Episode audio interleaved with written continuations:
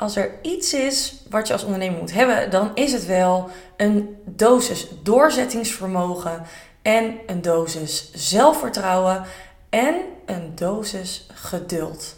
En ik denk dat geduld een van de meest ingewikkelde zaken is voor ondernemers die Instagram inzetten als hun marketingkanaal.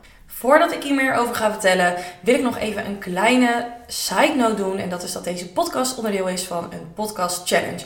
Wil je hier nu meer over weten? Lees dan even de show notes. Want misschien luister je deze en is deze podcast challenge niet meer van toepassing. Oké, let's go naar deze aflevering.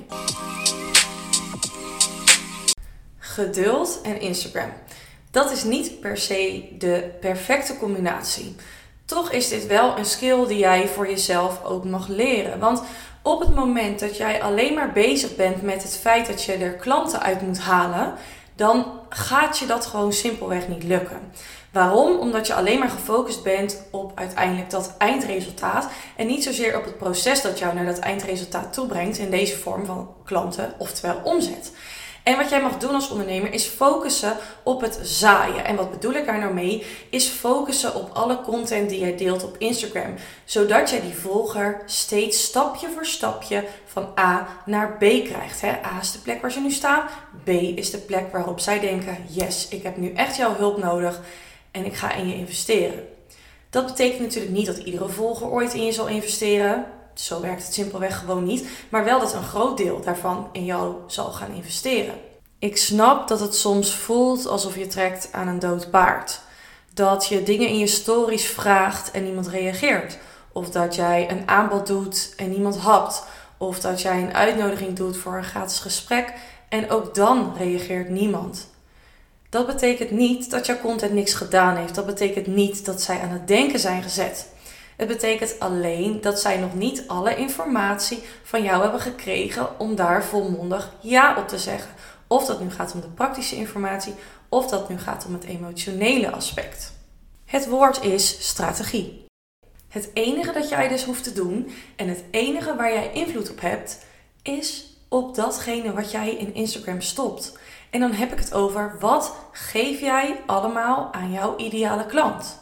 Wanneer je daar de focus op legt en niet de focus legt op deze post moet een klant opleveren. Deze stories moeten ook een klant opleveren. Wanneer ik deze reels plaats, dan moet ik per se mensen hebben die mijn gratis weggever download. Dat is echt met een hele verkeerde energie je content ook maken. En het wordt ook vele malen leuker wanneer je het doet vanuit een soort van dienend perspectief.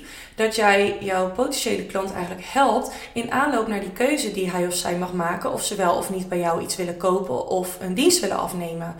En wanneer jij je dus gaat focussen op het zaaien, datgene wat je dus in Instagram stopt, zul je zien dat je op termijn ook kunt gaan oogsten.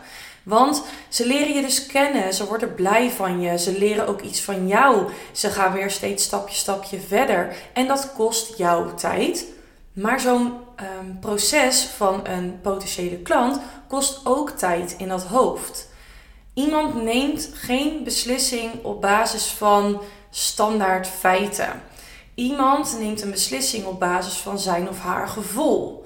En wanneer jij je dus alleen maar bezighoudt, bijvoorbeeld in je content met de praktische kant van jouw diensten of jouw producten, ja, dan zul je ze nooit tot aankoop over laten gaan. Je mag daarin, of sterker nog, je moet daarin juist rekening houden met het emotionele aspect. Wat hebben zij nodig om uiteindelijk datgene van jou te kopen wat je wil dat ze kopen. En daar mag je dus ook de tijd voor nemen. Want op het moment dat je zaait, dan geef je iets water, dan krijgt het zonlicht, dan gaat het groeien. Nou, en dan vervolgens kun je oogsten.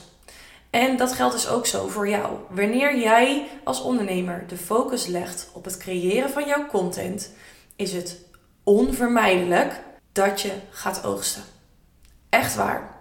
Het vergt voor de een net iets meer inspanning en net iets meer geduld dan voor de ander.